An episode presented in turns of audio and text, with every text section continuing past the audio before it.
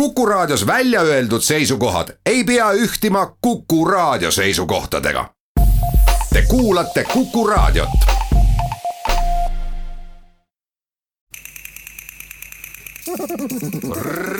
reisirada. tere, Kuku Raadio kuulaja, saatejuht Jaak Arin tervitab teid saatesse Reisirada. praegu on hooaeg kus jaanuarist peale toimuvad turismimessid, otsitakse ja valitakse uusi sihtkohti, kas lume sisse suusatama või soojale maale. reisiagentuurid kinnitavad üle kavandatud reisid ja vaatavad, millised on vajalikud muutused ja väljakutsed. messide külastajad avastavad ehk midagi uut, minna näiteks Kaliningradi või Pskovi suvepidustustele või hoopis Kuubale. alati kutsub Türgi Eesti reisijat või ka Egiptus puuduv lumi ja soojus kutsuvad nii mõndagi Lapimaale, jäähotellide ja haskisõitude juurde. sest isegi Viini populaarne uisuväli otse Raekoja ees on sel aastal raskustes, sest soe vihm tungib jäässe ja tugev tuul viib ära pealmise õhukese jääkihi. Ning isegi mägedes hoiatatakse laviiniohtude eest suusatajad sellel eriti soojal talvel üks maa aga on suurimates raskustes, sest praegu keegi ilmtingimata reisi sinna ei vali.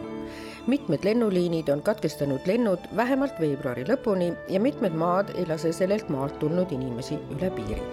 seega läheb reisirada virtuaalselt sellele vanale kultuurimaale, maale, kus saab ka pandasid kallistada ja läheb nendesse paikadesse möödunud aastaselt Hiina reisilt, mis jäävad kõrvale tavareisisihtidest, kuhu enamasti grupireisid viivad. Läheme Hangzhousse Westlake'i ääres ja tutvume Hiina Romeo ja Julia looga. kõigepealt aga korraks Pärnusse, kuhu peale pikki aastaid Hiinas elamist tuli Anneli Vilu, kellel Skandinaavia tundus liialt väike ja kes kahe tuhande kaheksandal aastal suundus seetõttu Hiinasse ning tegi tutvust maailma suurima linnaga, kus on kõige rohkem pilvelõhkujaid ja kus elab kakskümmend viis miljonit inimest. see on Shanghai. Need Shanghais veedetud aastad, mis algsest paariaastasena kavandatud perioodist kasvasid välja kümneks aastaks, andsid suure kogemuste pagasi ja nii avaldas Anneli aastatest raamatu Minu Shanghai kaasa on ta võtnud teadmise ja soovituse, et kaubavahetus Hiinaga on mitmete Euroopa väikeriikide jaoks oluline ja majandusmootoriks, mida ka Eesti peaks oma huvides rohkem ära kasutama.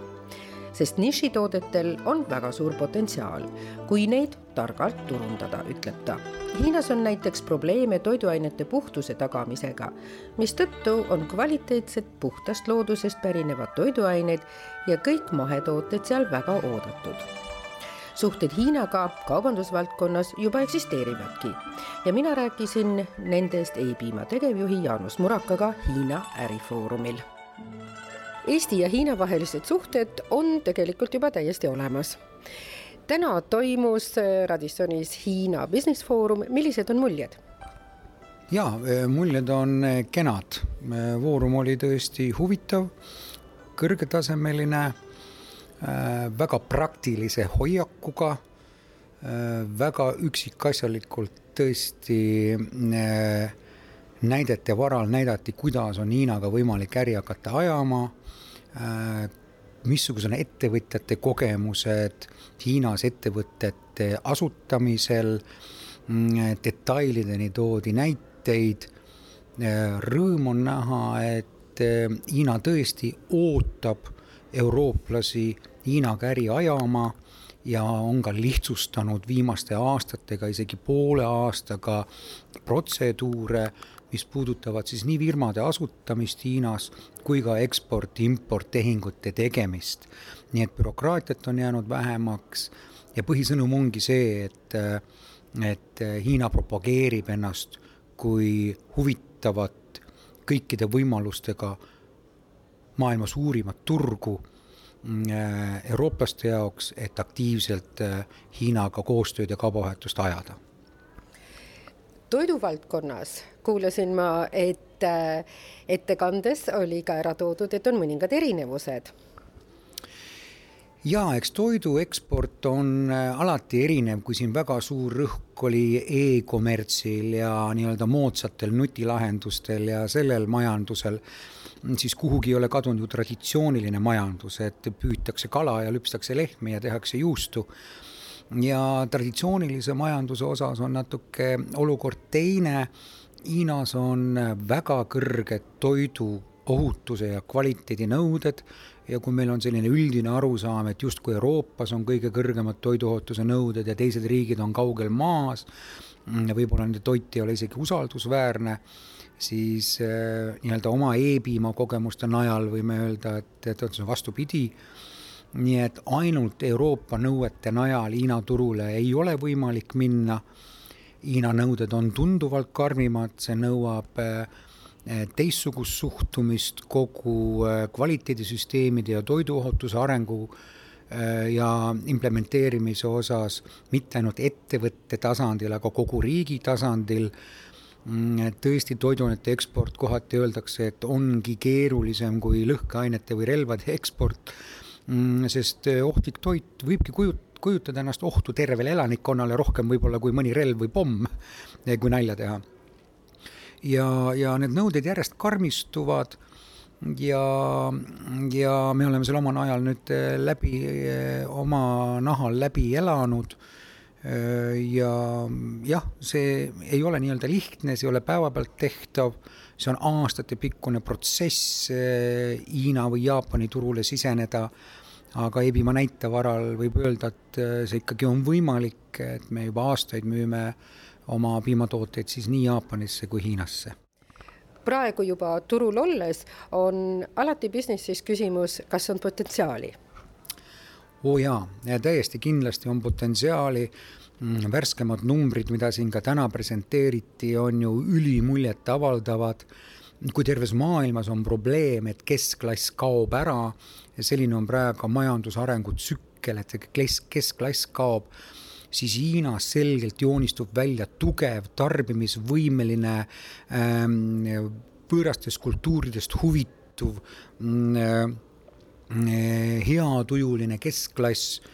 Ähm, ja tõesti, kui me ütleme, et täna on Hiina keskklassi suurus ühe koma neljast miljardist inimesest nelisada miljonit, siis juba kolme aasta pärast on see kuussada miljonit.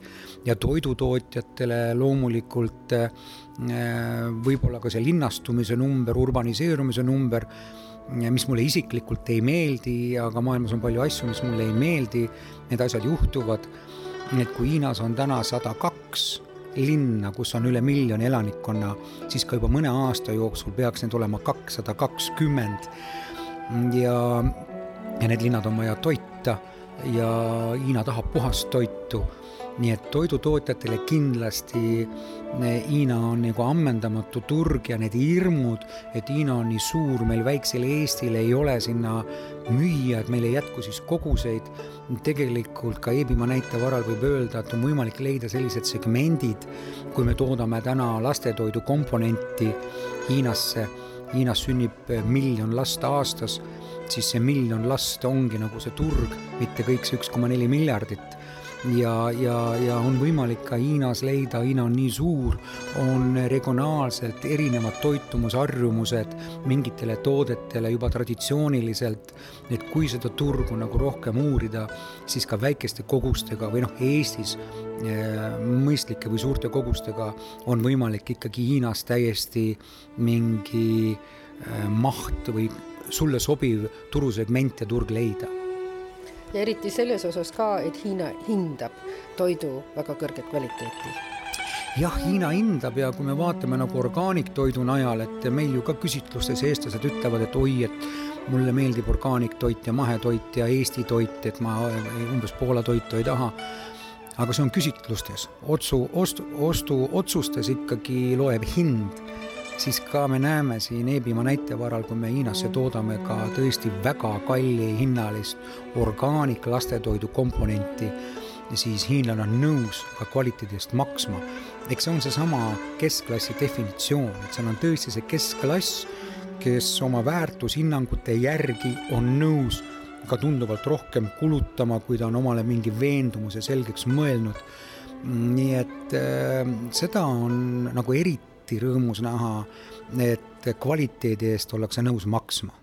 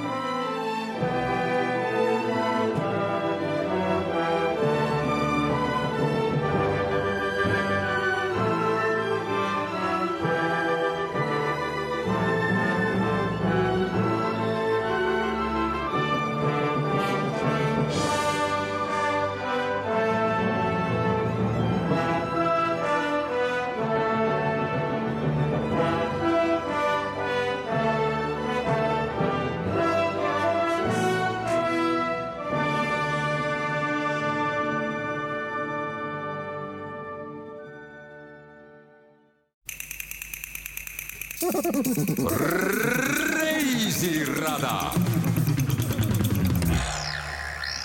Anneliga aga kohtusin ma Pärnus, kus ta tutvustas Port Arturis kohalikele Hiinat ja ütles, et pärast pilvelõhkujates ja multimiljoni linnade sudus elamisest naudib ta täiega elu kaunis, rohelises ja kultuurses Pärnus. mina eelmisel aastal kolisin Pärnusse ja, ja kohe astusin Pärnu kammerkoori ja siis koorikaaslasel tekkiski idee, et kuna on selline Hiina side läbi minu, et siis võiks Hiina reisi korraldada ja märtsis läheme Hiina ja mis laule te siis täna nüüd siin Hiina nädalal laulate? laulame ühe Hiina laulu, mille nimi on Pange Shanglai, mis tähendab, et äh, pool kuu valgus tõuseb.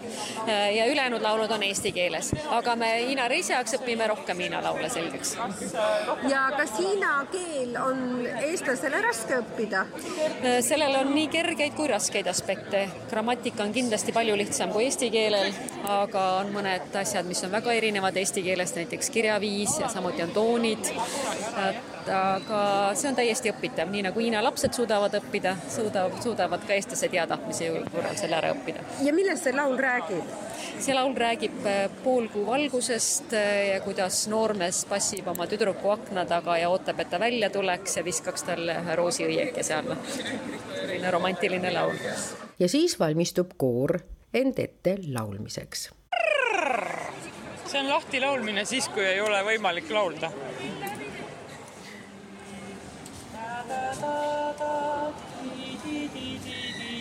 sellises tempos, jah.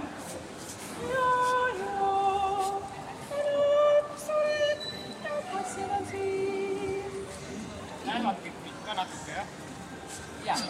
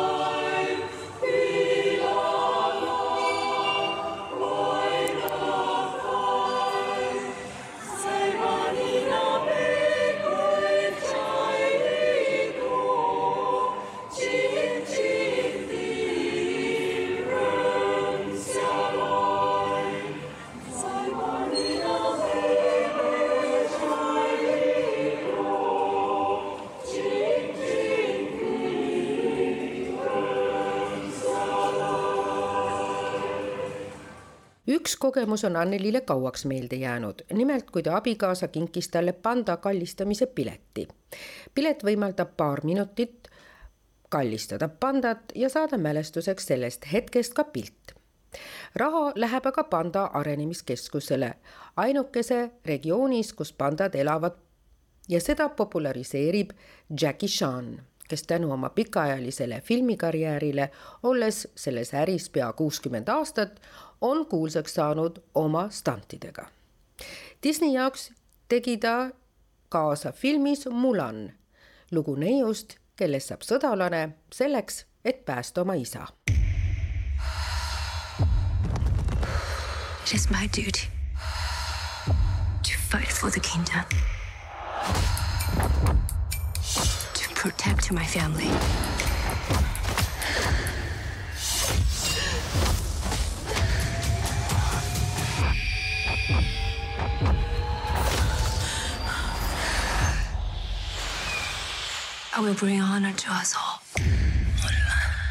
Selles filmis annab Jackie Chan oma hääle kapten Li Shangile ja seal on ka Jackie Chani laul I'll make a man out of you.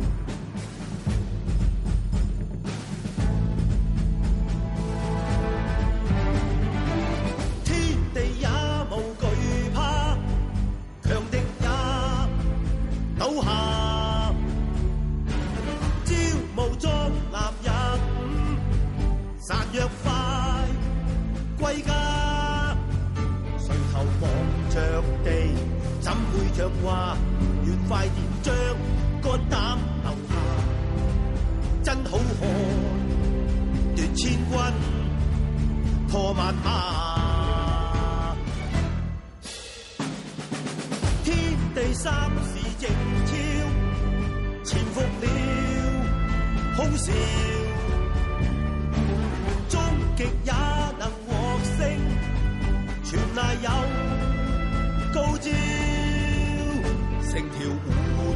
重，只会乱撞，朝着目标冲前望。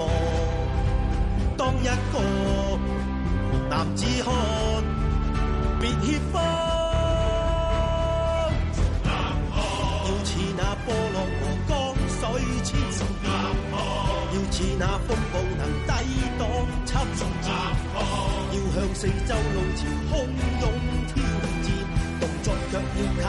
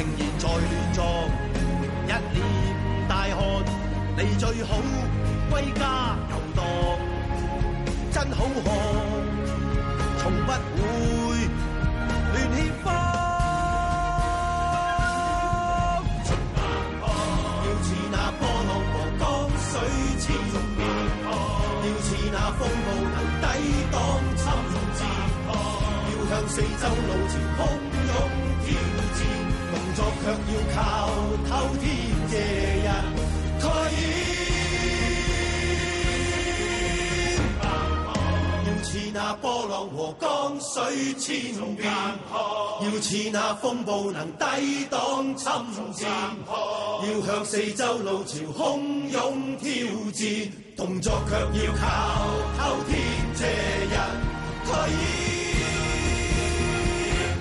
tänasest on Jackie Chanist saanud panda ambassador ja ta nõustus, kui Disney tegi talle ettepaneku osaleda filmis Kung Fu Panda, sest kes muu kui Jackie Chan on täna kuulsaim kung fu ikoon.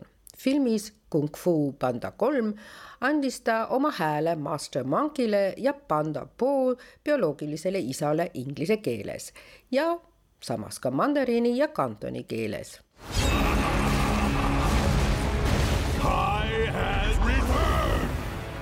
Master of Pain, Beast of Vengeance, Maker of Widows. Hmm. Okay, I used to work with Oogway. Oh, Master Oogway! Silence!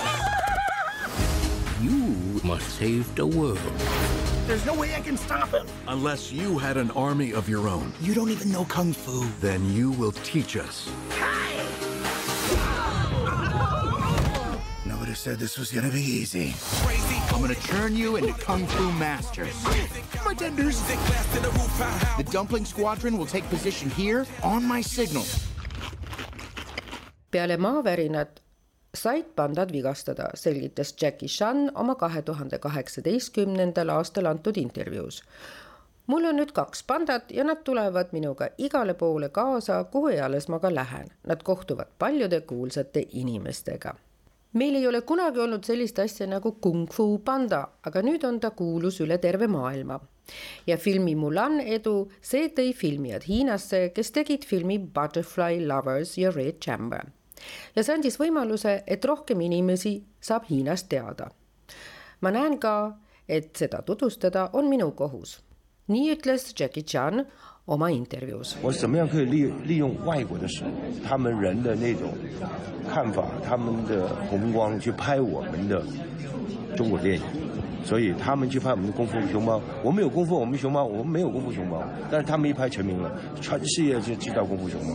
所以我帮他们去拍，帮他们去拍木兰，希望木兰的成功，可以他们来到我们这边拍梁山、梁山梁山伯，呃，或者是《红楼梦》。Ja nii näeb Jackie Chani propageerimas panda arenduskeskust, kord kandes ise panda mütsikesi, võttes kaasa ka panda nukud, millega ta üllatas külalisi viimasel Oscari galal kahe tuhande seitsmeteistkümnendal aastal, olles esimene hiinlane, keda auhinnati Oscariga.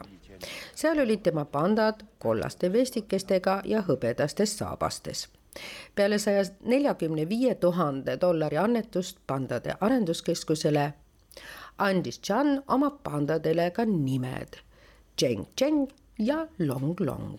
I am here with the amazing Jackie Chan. Jackie Chan, you brought some friends with you tonight. You've got a whole entourage. Who are these little guys? That's my ba- baby uh, girl, uh, baby boy panda.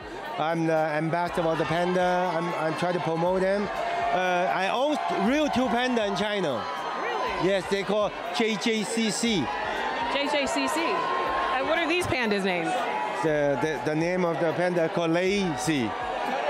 Lazy. Lazy. reisirada.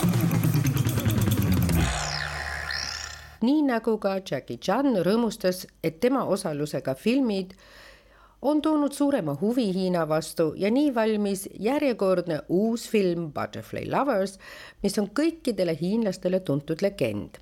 sarnaselt nagu meie Euroopas tunneme Romeo ja Julia armastuslugu. kõigepealt aga paika, mis meid üllatas reisil oma iluga ja õhtul ka salapäraga.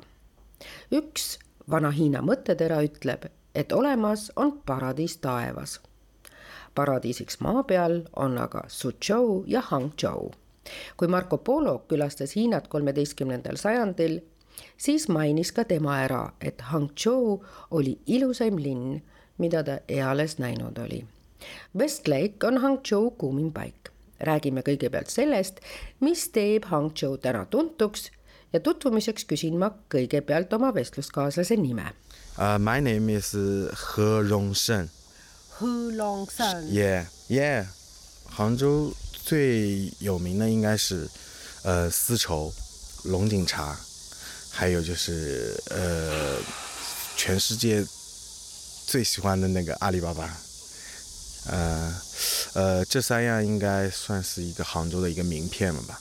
Hangzhou on kuulus oma tee poolest ja Läänejärve poolest, Westlake. siit pärineb aga ka populaarne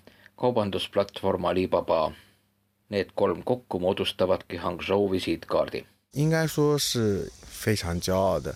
嗯、作为一个杭州人，呃，阿里巴巴能在杭州给我们带来生活上的方、出行的方便，生活上的方便，呃，嗯、互联网给我们的一些呃城市运行的一些方便，让我们感觉到，嗯啊，阿里巴巴给我们带来了很多呃方便。 Hangzhou inimesed on väga uhked Alibaba üle. see on toonud kaasa palju mugavusi nii inimestele endile kui ka kasulinnale.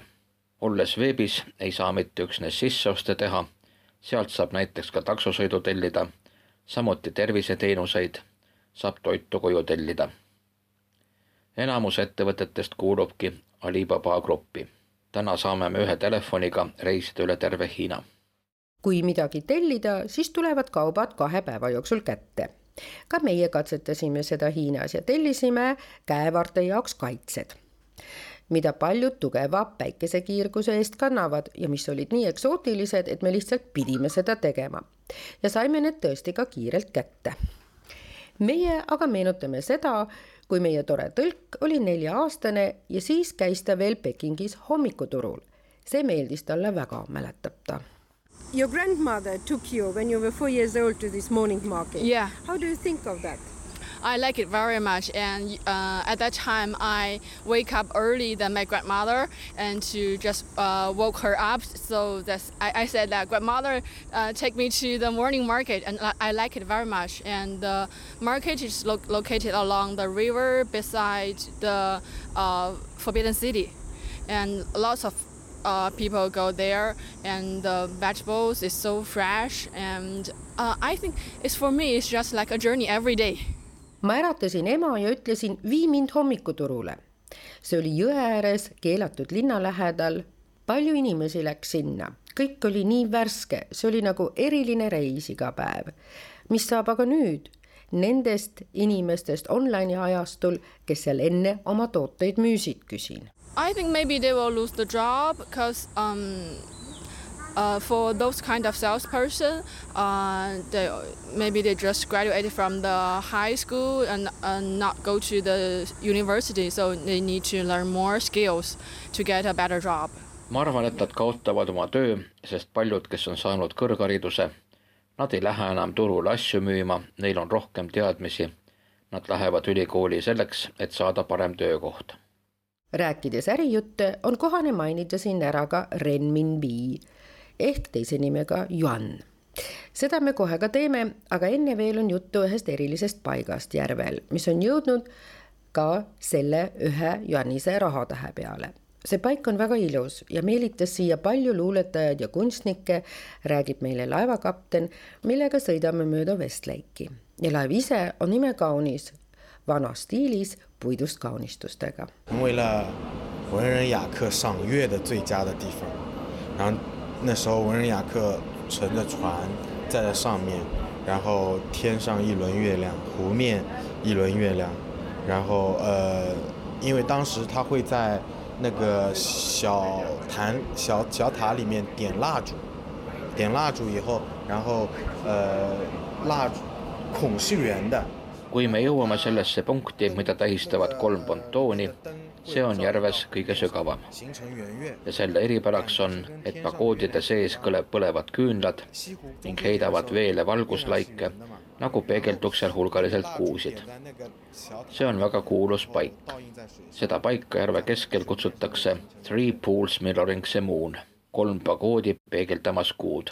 see oligi esimene Läänejärve vaatamisväärsus siin tõusevad veest sarnaselt stuupadega kolm pagoodi, täpselt kaks meetrit üle veepinna. igas pagoodis on viis auku. kui kuu paistab, siis on see meeliülendav vaatepilt. taevas on üks suur kuu ja veepinnale tekib palju kuusid. eriti müstiline on vaatepilt augustikuu keskel, kui kuu on kõige suurem.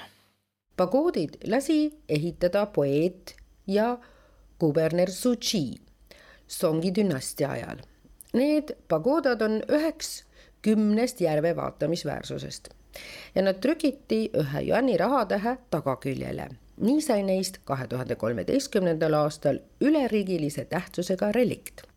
väga eriline on aga ka Westlake Show, mis toimub vee peal ja mille pealkirjaks on Hangzhou mälestused see on vabaõhu tantsuteater, mis loodi kahe tuhande seitsmendal aastal ja mis kasutab ära järve suurepärast maastikku nagu ka kogu veepinda ja mis vaatajatele jätab unustamatu mulje.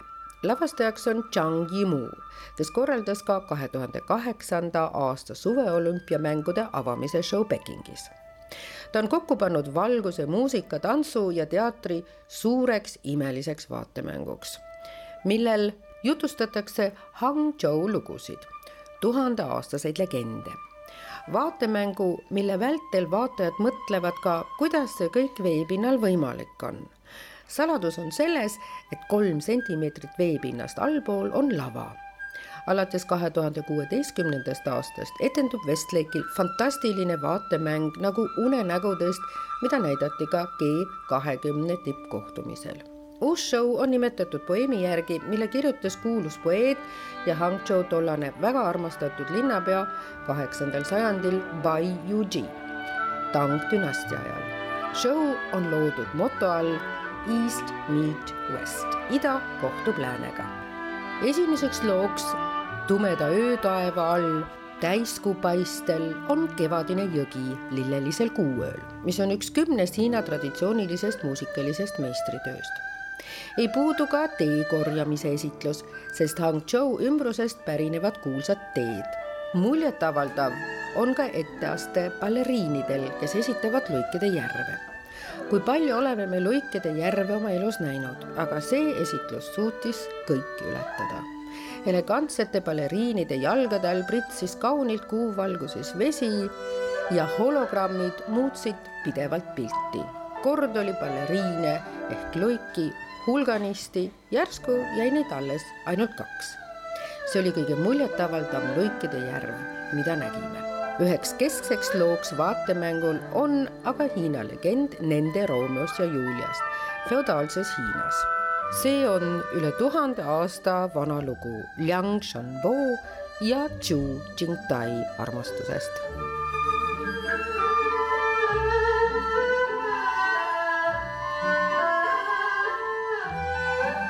muusika loodi sellele tuhande üheksasaja viiekümne üheksandal aastal Zhang Hao He ja Kang Zheni poolt ning esitleti esimest korda Shanghai Lütseumi teatris. see armastuslaul on kõige kuulsam viiulikontsert Hiina ajaloos